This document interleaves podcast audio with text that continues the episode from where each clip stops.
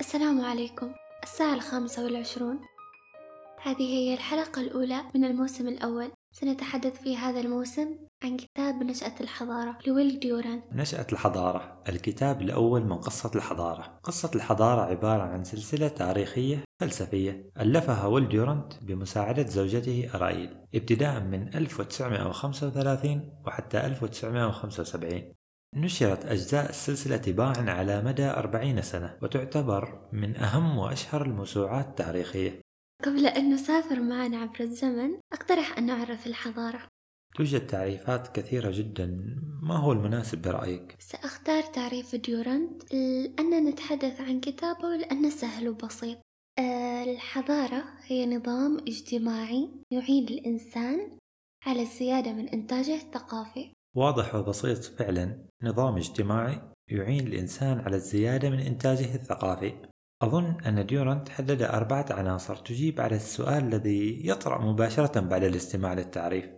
كيف يزيد الإنسان من إنتاجه الثقافي؟ صحيح هي أربعة عناصر بالفعل الموارد الاقتصادية والنظم السياسية التقاليد الخلقية متابعة العلوم والفنون. آه الآن قبل أن نتعمق في العناصر أفضل أن نتطرق قليلا لتاريخ الأرض وتاريخ الإنسان. أظن أنها ستكون مقدمة جيدة لنشأة الحضارة. صحيح. هذه هي مهمتك بالتأكيد. أخبرتك أن تحضر جيدا.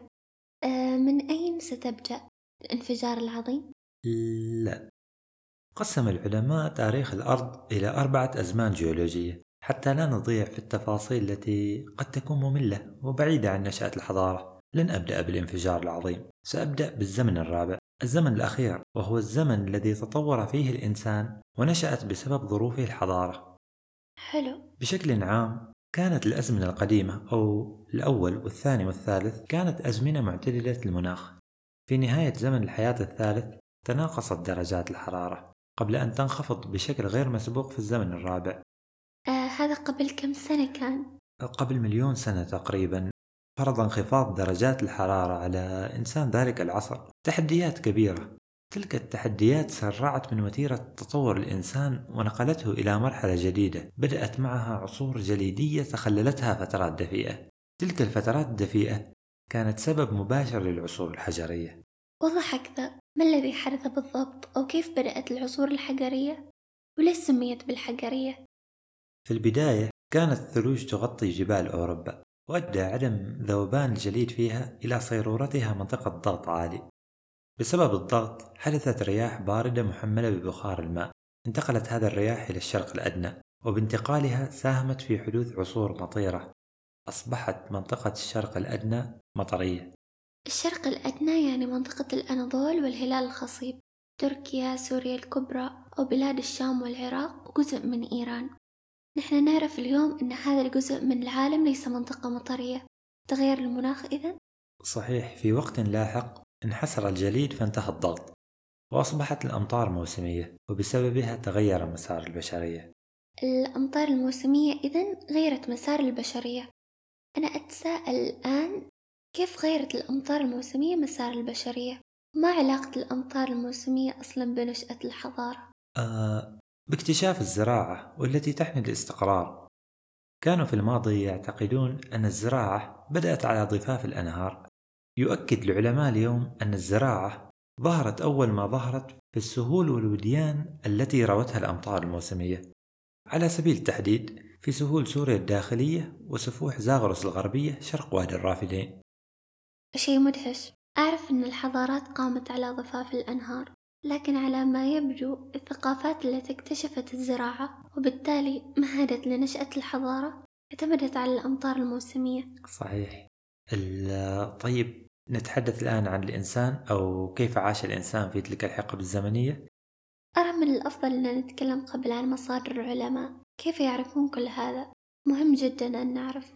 العلماء يعتمد العلماء في أطروحاتهم ونظرياتهم على عدة علوم. كل ما يقال هو جهود متضافرة من علماء في مختلف المجالات والتخصصات. علم الأرض علم الأحياء وعلم الأحافير والآثار. ثم التاريخ والاجتماع والنفس وغيرها من العلوم. لكن هل هذه المعرفة دقيقة؟ هذا هو السؤال. لسوء الحظ ليس عند الحديث عن الدين أو المجتمع في العصور الحجرية القديمة. الآثار أو الأعمال الفنية تعطي انطباعا بسيطا وبالتالي تكون آراء أو افتراضات العلماء مبنية في معظمها على صورة نمطية مترسخة في ذهن الباحث. هذا ما كلامي كلام فراس سواح في موسوعة تاريخ الأديان. المفترض أن نشكك في تلك المعرفة؟ ما بالضرورة. هذه الصورة النمطية التي تحدث عنها السواح. لا يجب أن تدفع للاعتقاد بأنها مجرد افتراضات. طبعا مهما اختلف العلماء وتجادلوا لأنها في المجمل تستند على مشاهدات وملاحظات عايشها كثير من الباحثين. أتوقع عندك فكرة. أعرف عن الرحالة والمستكشفين والمبشرين. اللي قاموا بتسجيل ملاحظات مهمة عن شعوب وقبائل. عاشت معزولة عن التطورات الحضارية. أظن في أمريكا وأستراليا وأفريقيا وسيبيريا وغيرها من المناطق. أتوقع ابتدأ من العصر الذي يسمى في الثقافة الغربية بعصر الاستكشاف حتى وقت قريب. وأنا أقرأ ملخص ما كتبت عن نشأة الحضارة. لاحظت أن جل ما كتبه ديورنت عن الدين والمجتمع يعتمد على تلك المشاهدات بالإضافة إلى مصادر قديمة جدا. آه لذلك فضلت الاستعانة بمصادر أخرى في هذه الحلقة. اقترحت أنت أديان ومعتقدات ما قبل التاريخ لخزعل الماجدي؟ وقررت أن تعتمد عليه في سرد تاريخ العصور الحجرية. أنا أعرف أن العصور الحجرية هي عصور ما قبل التاريخ يعني منذ ظهور أوائل أسلاف البشرية وحتى اختراع الكتابة. بالفعل لكن يجب أن ننتبه إلى أن الفترة الزمنية التي ظهرت فيها الكتابة ليست ثابتة. بمعنى أنها لم تظهر في نفس الوقت عند جميع الثقافات كما أن هذا المصطلح ما قبل التاريخ أقصد مبني على المثال الأوروبي والشرق أوسطي حيث أن كثير من الثقافات غير الكتابية ما زالت موجودة. ممتاز. نذهب إلى أديان ومعتقدات ما قبل التاريخ إذن.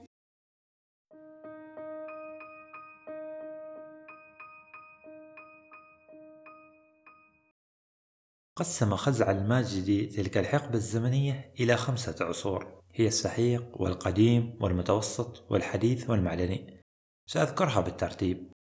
العصر الأول هو العصر الحجري السحيق أو Eolith. هذا العصر مرتبط بظهور إنسان أسترالوبيثيكس وهو إنسان عاش في الغابات واستطاع في نهاية العصر صناعة أدوات من العظام والحصى. وجدت هذه الآثار في شمال أفريقيا. وسمي الإنسان الذي استخدمها بالإنسان الماهر. أه لحظة لحظة. أحس هذه المعلومات لها علاقة بالتطور. ما بشكل مباشر. الذي لا يصدق التطور لا يجب عليه ذلك. لا أتحدث هنا عن التطور أبدا. أتحدث فقط عن السجل الأحفوري المتعلق بالإنسان. حلو. أحببت أن تكون هذه النقطة واضحة. أيوة. طيب لننتقل إلى العصر الثاني. عندنا مطر برا. تصدقي الصوت واضح. الله. العصر الحجر القديم أو باليوليت هو العصر الثاني. يمتد هذا العصر منذ 500 ألف سنة وحتى 12 ألف سنة وهو يشمل العصور الجليدية الأربعة والفترات الدفيئة التي حدثت بينها. اللي تكلمنا عنها سابقا؟ صحيح. ظهر فيها أولا الإنسان المنتصب أو هومو إيركتوس وأشهر الحافير المرتبطة بهذا النوع هي المعروفة باسم إنسان جاوا وإنسان بكين وإنسان هايدلبرغ. بعدين ظهر الإنسان المعروف بنياندرتال الذي عاش بين مجموعتين الأولى مبكرة والثانية أعتقد في حدود خمسين ألف سنة. وأشهر الأنواع المعروفة إنسان شنايدر أظن آثار إنسان شنايدر وجدت في ألمانيا وفي العراق. وأيضا الإنسان الأفريقي وإنسان فلسطين. على ذكر نياندرتل؟ قرأت مرة. ما أتذكر وين. إن جيناته ما تزال باقية عند البشر بس بنسب متفاوتة طبعا.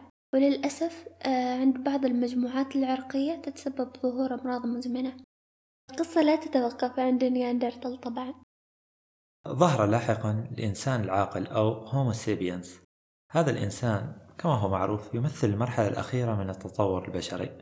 ربما لا يعرف وقت ظهوره بالتحديد لكنه ساد الأرض في نهاية العصر الحجري القديم. من أشهر الأنواع إنسان الكرومانيون ويعود أقدم آثاره إلى أربعين ألف سنة. ممتاز جدا. ربما من الأفضل الآن أن نترك السجل الأحفوري في العصر الحجر القديم ونتحدث أكثر عن إنجازات إنسان ذلك العصر والعصور التي تلي. تميز العصر الحجري القديم بصناعة الفؤوس والشظايا والنصال كما تطور فيه الإنسان ببطء لأنه ظل حبيس الكهوف لفترات طويلة. طبعا بسبب الجليد وبسبب محدودية التفكير أيضا. لكن حياة الكهوف هذه ستصبح من الماضي بعد ذوبان الجليد في أوروبا وبداية الأمطار الموسمية في الشرق الأدنى في العصر الذي يعرف بالعصر الحجري المتوسط أو ميزولت يمثل العصر الحجري المتوسط فترة انتقالية بين العصور الحجرية القديمة والعصور الحجرية الحديثة. آه، هنا بدأ الإنسان بتدجين الحيوانات وتخزين الحبوب والثمار. نعرف اليوم بعض الثقافات التي ظهرت في تلك الفترة. في أوروبا مثلا الثقافات الأزيلية والتاريونيسية وصيادو غزال الرنة. أتوقع خبرتيني أنك قرأت عن هذا الموضوع. قرأت عن هذه الثقافات. بالنسبة للشرق الأدنى أبرز الثقافات التي ظهرت في ذلك الوقت كانت الثقافة النطوفية في فلسطين وغور الأردن. هذه الثقافات عبارة عن قرى صغيرة اعتمد سكانها على الحبوب والقمح البري والرعي. إذ لم تكن الزراعة قد اكتشفت بعد قرأت هذا في لغز عشتار. جميل. اكتشاف الزراعة أو ظهور القرى الزراعية كان أهم ما حدث في العصر التالي عصر الحجر الحديث أو نيوليت. تقريبا 8000 إلى 5000 سنة قبل الميلاد. الأكيد أن العصر الحجر الحديث هو العصر الذي جرى فيه تدجين الحيوانات المختلفة. أتوقع أيضا تطورت صناعة الخزف وظهرت فيه الآلات الحجرية المصقولة بدلا من المشظى استمر هذا العصر حتى اكتشاف المعادن. ال... أيوة. اكتشاف المعادن غير طبيعة الصناعة والآلات وعرفت الفترة الممتدة بين خمسة آلاف وثلاثة آلاف سنة قبل الميلاد بالعصر الحجر المعدني أو كالكوليت. ظهرت أبرز ثقافات العصر الحجر المعدني في جنوب الرافدين. أبرزها طبعا ثقافة تل العبيد. أظن أن تل العبيد هي الثقافة اللي اجتاحها السومريون لاحقا وبنوا على أنقاضها أول حضارة تاريخية الحضارة السومرية. أعتقد أن هذا يكفي كمقدمة في الحلقة القادمة سنتحدث عن تفسيرات ديورنت لتلك الحقبة الزمنية. حتى ذلك الحين نتطلع لقراءة ملاحظاتكم واقتراحاتكم. شكرا لاستماعكم. إلى اللقاء.